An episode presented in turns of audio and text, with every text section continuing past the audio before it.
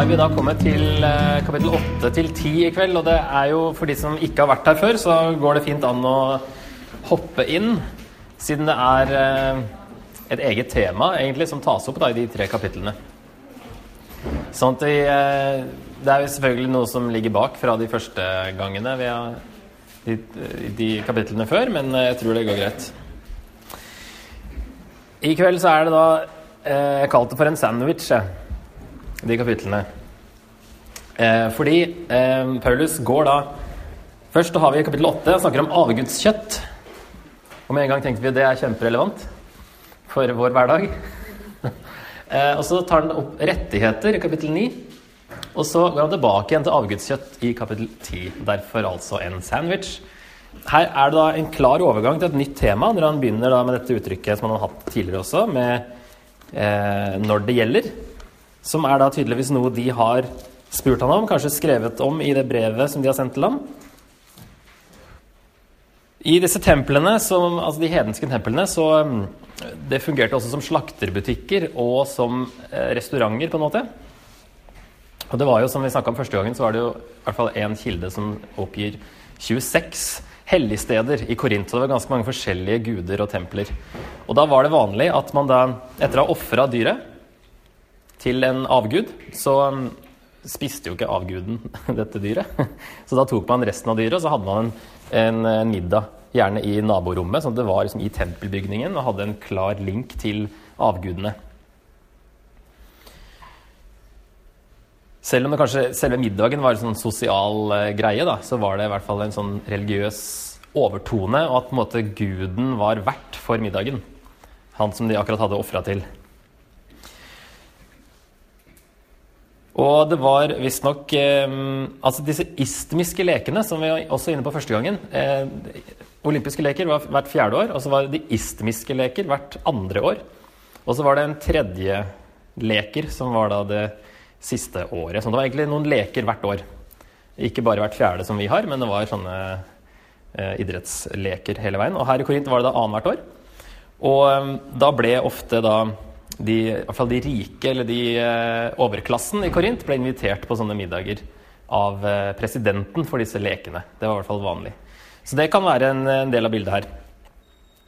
Eh, tre, tre, sånne middager skulle man liksom bli invitert til da, i løpet av eh, disse lekene. Jeg vet ikke hvor lenge de varte, om det var et par uker kanskje, sånn som nå. Men, men, det kan være noe som ligger bak, at det virker som det er en, en litt sånn elite, kanskje, som, eh, som mener at de da kan spise dette kjøttet helt uten problemer. Det er ikke helt uten problemer, da. Altså når, I Apostlenes gjerninger 15, når de eh, har det første kirkemøtet, og de snakker om hva de skal gjøre med hedningene som blir frelst. Om de skal bli jøder først og holde Moseloven, og så kan de liksom bli kristne etterpå. Så konkluderer de jo med at det trenger de ikke. Og så skriver de et brev som skal sendes rundt til menighetene. Og der har de med fire ting som de da må passe på. Ikke Moseloven, men fire andre ting. Og Der står det da i Apostelgjerninger 15, 28-29. Den hellige ånd og vi har besluttet ikke å legge noen annen byrde på dere enn disse helt nødvendige tingene at dere holder dere borte fra kjøtt som er ofret til avgudene, fra blod, fra kjøtt av kvalte dyr og fra hor. Om dere passer dere for slikt, vil det gå dere godt. Lev vel. De skrev sikkert 'lev vel' sånn i kryss. Sånn, ja. Um, her er det første som nevnes, det er kjøtt som er ofra til avgudene. De skal holde seg borte fra det. Og i begrunnelsen etterpå, som jeg ikke har tatt med her, så står det at det, det er pga. jødene som bor over hele Romerriket at eh, de da skal holde seg unna de tingene her. Eh, så det kan ha vært en sånn jøde-hedning-sak. Selv om det er ikke helt tydelig at det er bare det i Korint. Men i hvert fall så er det her noe de apostlene mener er en universell regel på den tida, at de skal holde seg unna dette kjøttet. Som da disse korinderne ikke gjør. Eh, og han sier Altså, det vi så på forrige gang, så sier han jo at de skal holde seg unna avgudsdyrkere, bl.a. i kapittel 5. Eh, og det virker som han, han sier jo de som kaller seg en kalles en bror, og som likevel er f.eks. avgudsdyrker. Så det er litt rart at det skal være en som kaller seg kristen, og som samtidig er avgudsdyrker. Men det kan være noe av det her de da har eh, eh, At det er dette de tar opp igjen litt nå. At eh, du kan på en måte være en slags avgudsdyrker. Det, det, tar, liksom, det tar lang tid før han kommer til helt på slutten av kapittel 10, egentlig. Så det, jeg lurer på hvorfor han bruker så lang tid på, på, å si det så klart som han gjør der, men uh, han har vel sine grunner. Men at det er en, en fare for avgudsdyrkelse i denne konteksten her. Og senere, altså dette med eh, gnostikerne, som ble en sånn vranglære ut på 100-tallet, de eh, vi skal se at Det er mye snakk om kunnskap i kapittel 8. Og ordet for kunnskap på gresk er gnosis. Så det kan være en tidlig form for gnostisisme. For vi har senere kilder som sier at gnostikere spiste dette kjøttet her. Eh, og at det altså Det var det eneste som er omtalt da, som de som faktisk spiser dette her. Eh, det er en som heter Justin Martyr på ca. år 150, som skriver at eh, det finnes eh, folk som kaller seg kristne, men som spiser avgudskjøtt og sier dette er forkastelig. Han sier dette er forkastelig. Og at han, han kjenner til at det fins, og at det er de gnostikerne som gjør det. Og en annen, også Ireneus, en av kirkefedrene, litt senere, ca. 170, sier da at det er gnostikerne som ikke har problemer med å spise sånt kjøtt som det her. Og sier at Gud ikke bryr seg. Og Det er egentlig akkurat samme som korinterne sier. Så det er mulig en sånn tidlig form da, for gnostisisme. Jeg tenkte dere skulle få begynne med å se på teksten sammen denne gangen. Ordet kunnskap da, som også blir oversatt, eh, oversatt eh, forstå, vite og kjenne. Det spørs litt på oversettelsen, men det er egentlig samme ordet som ligger bak. Om det er substantiv- og verbformen av samme ordet, da, så er det i hvert fall samme rot. Nevnes da åtte til ni ganger, spørs hvilken oversettelse du har. I hvert fall åtte i kapittel åtte. Så kan dere se på det, eh, finne de forekomstene og se hva denne kunnskapen dreier seg om. Altså det er kunnskap om hva spesifikt? Får vi en slags definisjon? Og hva er noen farer med slik kunnskap? Og hvilke to holdninger setter han opp mot hverandre i dette kapitlet? Ok, Så varmer vi litt opp med det, og snakker i, eh, med de vi sitter på bord med. Ja, jeg kan lese det først. Jeg skal gjøre det. Så har vi tatt den. Jeg leser eh, høyt herfra. Når det gjelder kjøtt som har vært ofret til avgudene, er det nok slik at vi alle har kunnskap. Men kunnskap gjør hovmodig. Det er kjærligheten som bygger opp. Om noen mener å ha forstått noe, da har han ennå ikke forstått det slik han burde. Men den som elsker Gud, er kjent av ham. Når det gjelder det å spise slike avgudsoffer, vet vi at det ikke finnes noen avgud i verden og ingen gud uten én. Det finnes nok såkalte guder i himmelen eller på jorden. Ja, det er mange guder og mange herrer, men for oss er det én Gud, vår Far.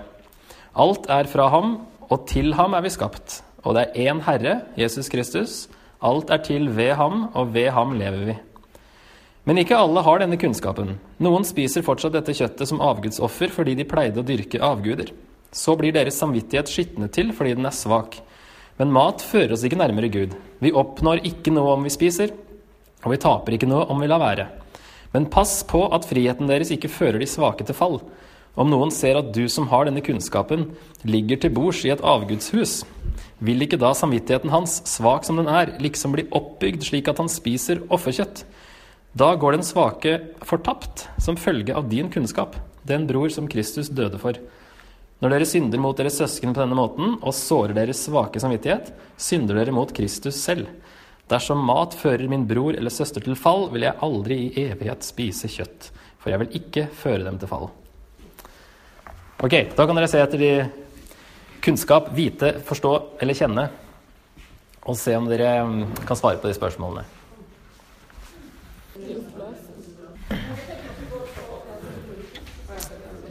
Ja, åssen gikk det? Skjønte dere mer av kapittelet? Skjønte dere hva Eller fant dere en slags definisjon av denne kunnskapen? Hva, hva slags kunnskap dreier seg om, eller hva er det kunnskap om?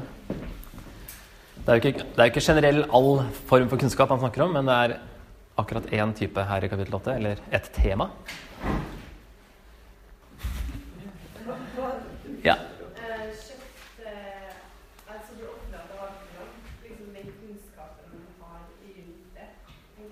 Og hva med det kjøttet da? Om du skal spise det. Og hvor, hvorfor kan de spise det? Mener de?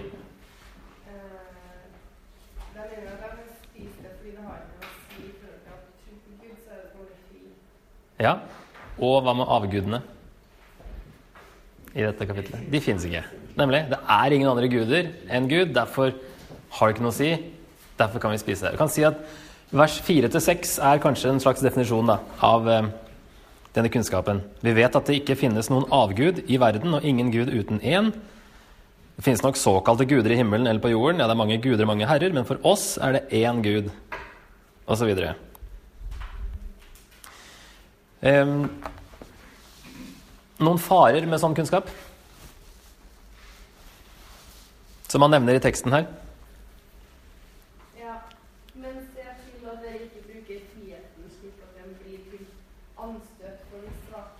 Yes, Det er jo hovedpoenget hans. Så det å kunne få noen andre til å falle og faktisk gå fortapt, sier han her, det er alvorlig. Og det er den største faren. Så sier han bl.a. at eh, kunnskap blåser opp, eh, eller gjør hovmodig, som det står her i vers 1, og som en kontrast til at det er kjærligheten som bygger opp. Og det er egentlig de to, kunnskap mot kjærlighet, som egentlig er de to egentlig svar på spørsmål tre. Eh, to holdninger. Det å gjøre som du mener du kan pga. friheten i Kristus, eller tenke på andre. Og tenke på andres samvittighet. Er det noen som så en form for motsetning i avsnittet her? At han ser ut til å si to ting som strides, si, går imot hverandre? Ja, Daniel? Kunnskapen, så sier han at alle har kunnskap om et eller annet. Så går det ned i vers 7, men ikke alle har denne kunnskapen. Nemlig. Hva, hva tenker vi da? Det som er litt vrient med Korinterbrevet, det er at han plutselig kan trekke inn et sånt ordtak som de hadde uten anførselstegn, for det hadde han jo ikke den gangen å bruke. Og her virker det som at eh, det, det er korinterne som først og fremst sier at alle vet jo det, at det ikke finnes noen avguder. Alle har jo den kunnskapen. Og at han da kanskje åpner med et sitat, nærmest, som han korrigerer ved å si ikke alle har denne kunnskapen. Selv om dere tror det. Eh, jeg har eh, understreket da, her kunnskap og forstått og kjent osv. Så du ser hvordan det går gjennom i hvert fall hele kapittel 8 her. Det står faktisk i en, den engelske ESV så står eh, eh, 'Vi har alle kunnskap', står i anførselstegn, så de har i hvert fall tolka det som et sitat eller ordtak som han går imot. det. Som vi så at han gjorde eh, kapittel 6 og 7, og som han kanskje gjør senere også, som vi kommer til neste gang. Så han begynner jo, han advarer med en gang at det her kan eh, gjøre dere hovmodige. Eh, blåse dere opp. Eh, og i stedet må vi tenke på andre. Og så sier han i de som, om noen mener, I vers 2 da, om noen mener å ha forstått noe, da har han ennå ikke forstått det slik han burde. Så selv om de tror at de har skjønt alt og har kunnskap, så er det ikke sånn dere burde forstå det. Og så forklarer han det, da.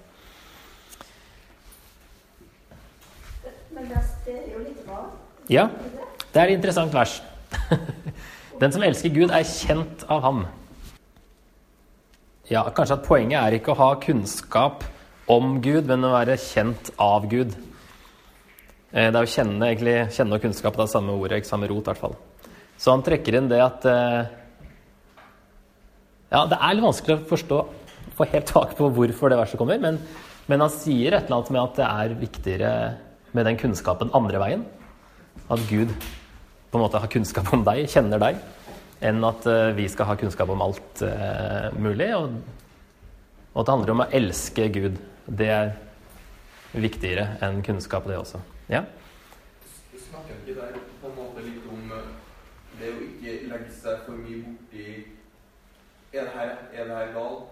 Legge seg borti det, men heller bare følge etter Gud. Mm. Se på hva han vil, ja. hva han planer hans mm. ja. Og når du da legger deg borti han og kjenner han, mm. så kommer det andre som en naturlig etterfølger. Det er et veldig godt poeng. En god forklaring på hvordan Paulus tenker, tror jeg. Mm. Det her, Når han kommer til det som i Bibelen her står i uh, plutselig sånn poesi, nærmest, i vers 6 at, uh, Med innrykk på linja og litt sånne ting, som man gjør uh, I Nytestamentet så er det ofte det man eller oversetterne gjør det når de tror det er noe som Paulus ikke finner på sjøl, si, men noe som han har fra noe annet, som er en, enten en sang eller, eller noe, en slags trosbekjennelse, et eller annet sånt noe, som, eh, som Paulus har fra noen andre.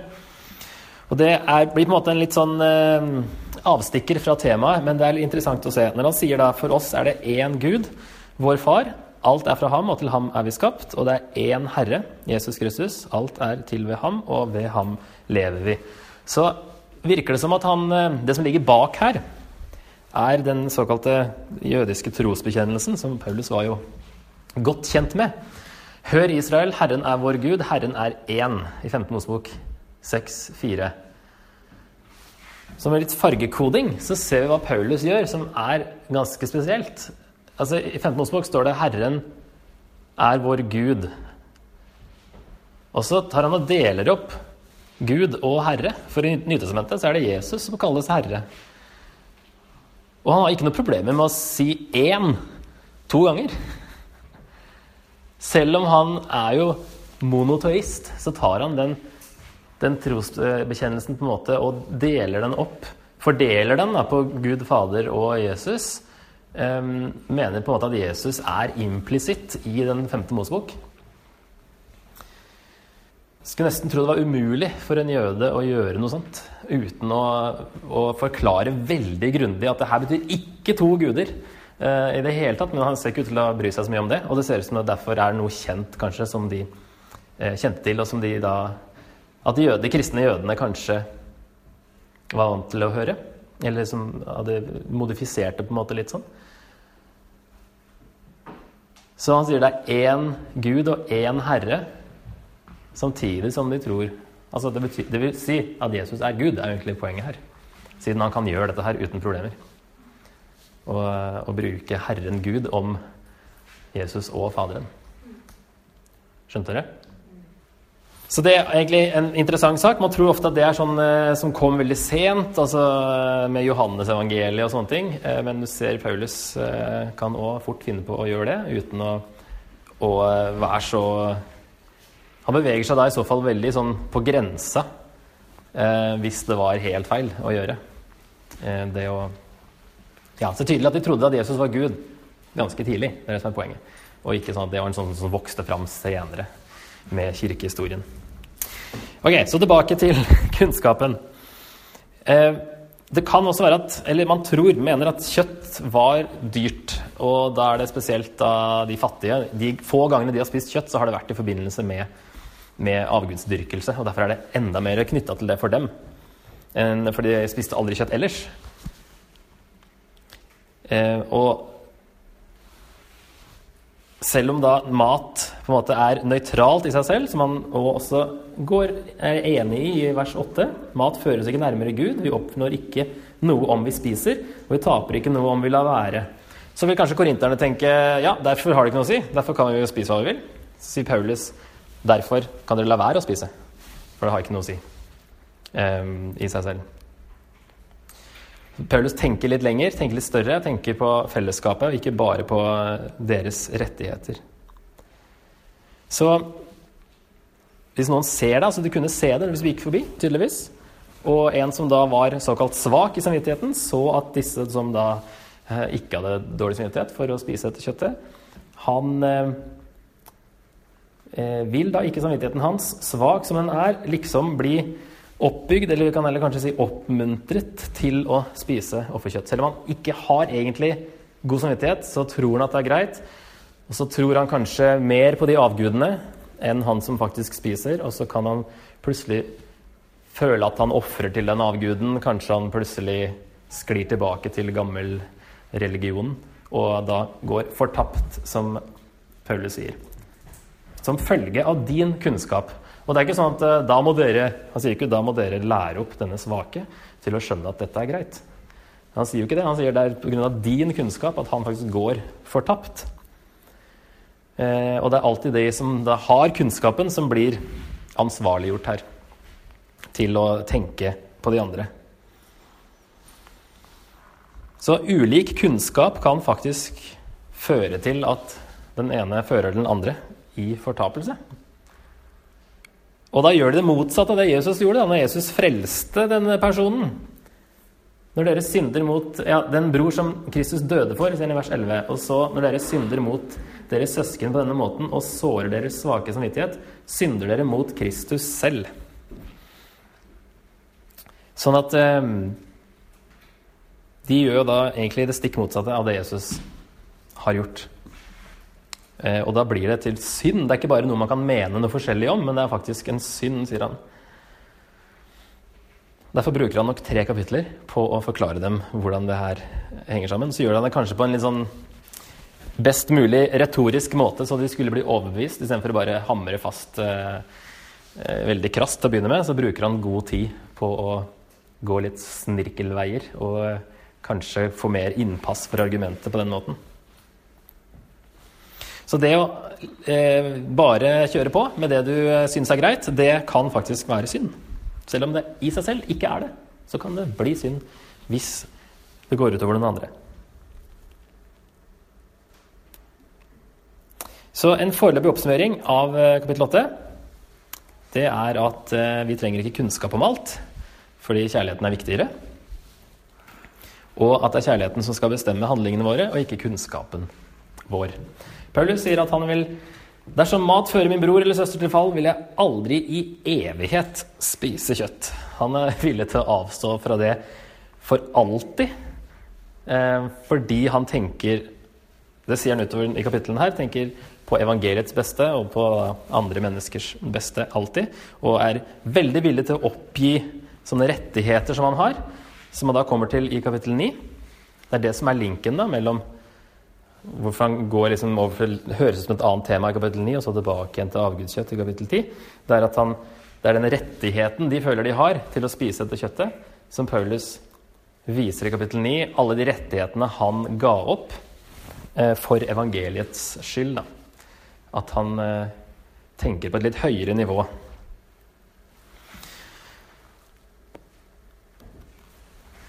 Så når han eh, Her kan vi se bare litt på kapittel 9. Jeg har noen, som, nei, noen ord som går gjennom der òg, det er jo ordet 'rett'. Én, to, tre, fire, fem, seks ganger da, til vers 18. Så det er, det er det som er eh, Og det er samme ordet som han da har brukt om frihet, faktisk, i vers 9 i kapittel 8. Pass på at ikke friheten deres Eh, pass på at friheten deres ikke fører de svake til fall. Så er det egentlig samme ordet for denne retten deres, som på en måte er jo en frihet. Og så sier han har sagt det her nå i kapittel 8 at han ville aldri i evighet spise kjøtt. Og så spør han er jeg ikke fri. Altså Betyr det at jeg nå plutselig må underlegge meg andres samvittighet? Og ikke være fri, og ikke bare gjøre som jeg vil? Sånn som korinterne mente. Og jeg er jo fri i Kristus. Det er jo ikke noen eh, Moselov eller eh, på den samme måten. Eh, så det er linken da, tilbake til kapittel 8. Og så sier han er jeg ikke apostel? Fordi når du kommer utover her, så har han oppgitt masse av disse rettighetene man hadde som en apostel. Som han nå går gjennom.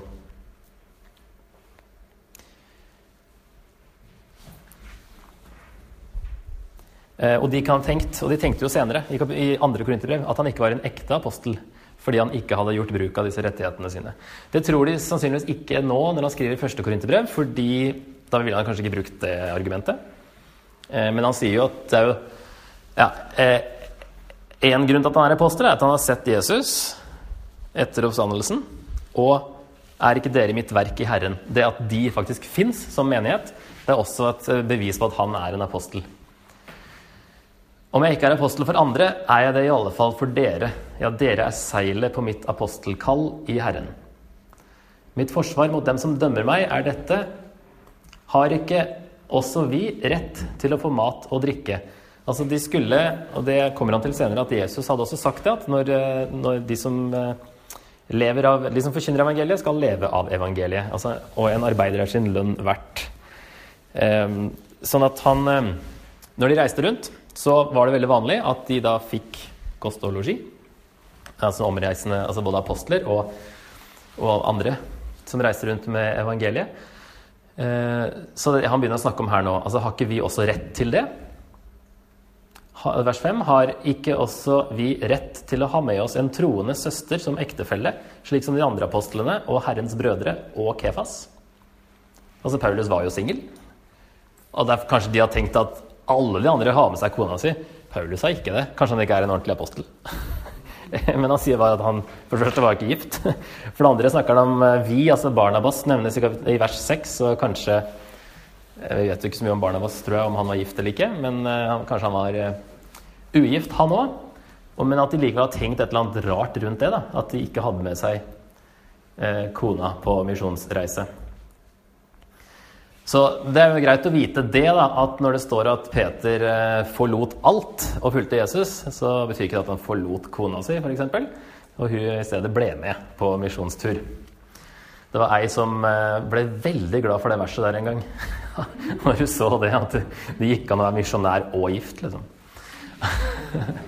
Er det bare jeg og Barnabas som ikke har retten til å slippe å arbeide? For det leste vi første gangen i eh, Apostelens gjerninger 18 at han eh, jobba som teltmaker i Korint med vilje for ikke være dem til byrde. Og Det sier han til andre menigheter også.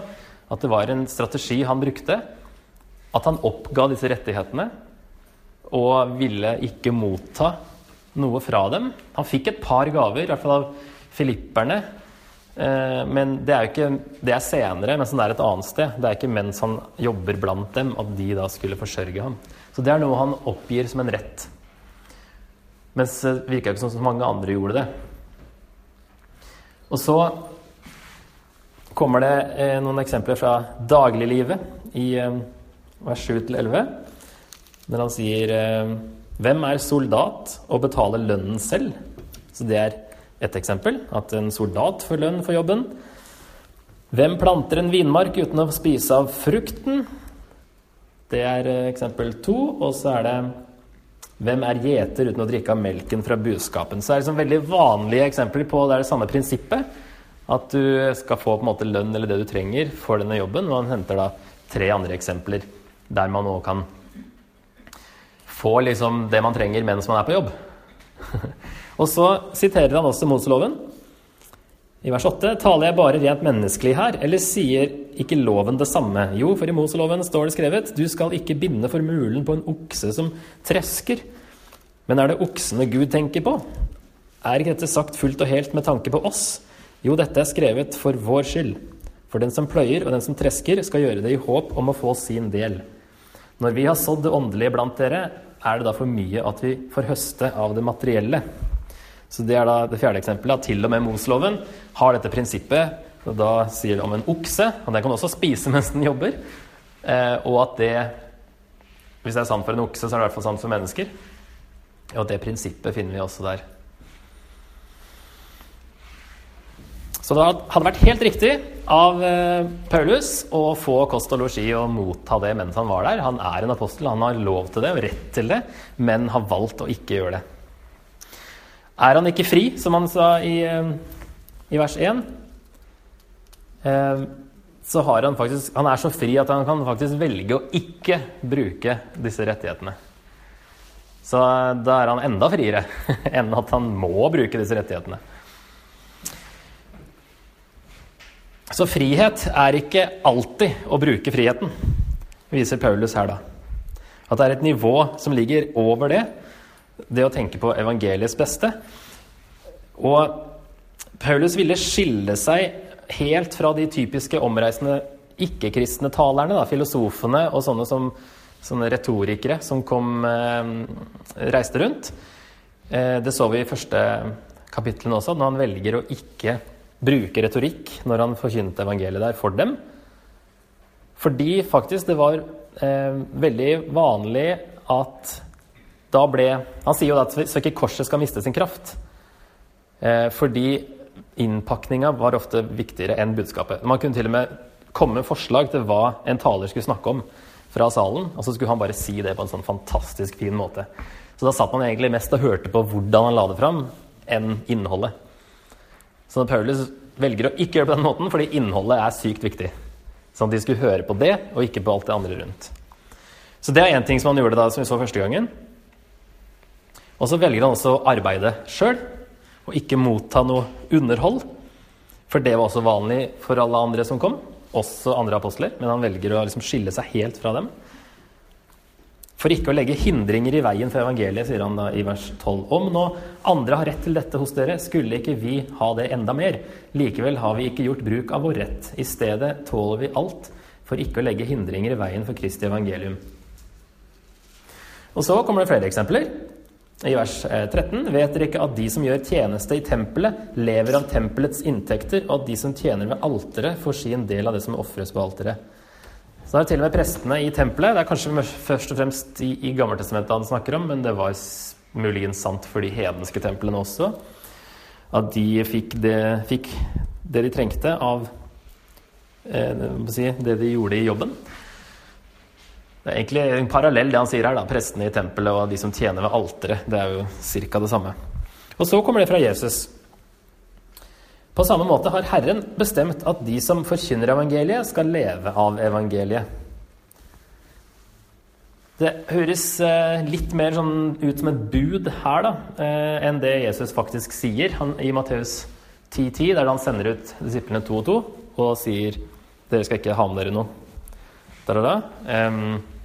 Og så er det Lukas 10,7 er en arbeider sin lønn verdt. Så Paulus har kanskje tenkt at um, de blir sendt ut til Israel, og, men det funker ikke helt i en hedens kontekst. Og så har Paulus faktisk tolka det litt, selv om Jesus på en måte ga bud om det, så er det ikke en sånn strengt at han går imot Jesu ord, eh, men han oppgir en rett, egentlig. Fordi han mener at det her funker faktisk ikke så bra i en hedensk kontekst pga. alle de andre som reiser rundt med et budskap. Ja, i vers 15 da. Men jeg har ikke gjort bruk av noe av dette. Jeg skriver heller ikke nå for å gjøre krav på det. At de nå tror at han nå skal ha igjen få tilbakebetalt alt som han hadde rett på.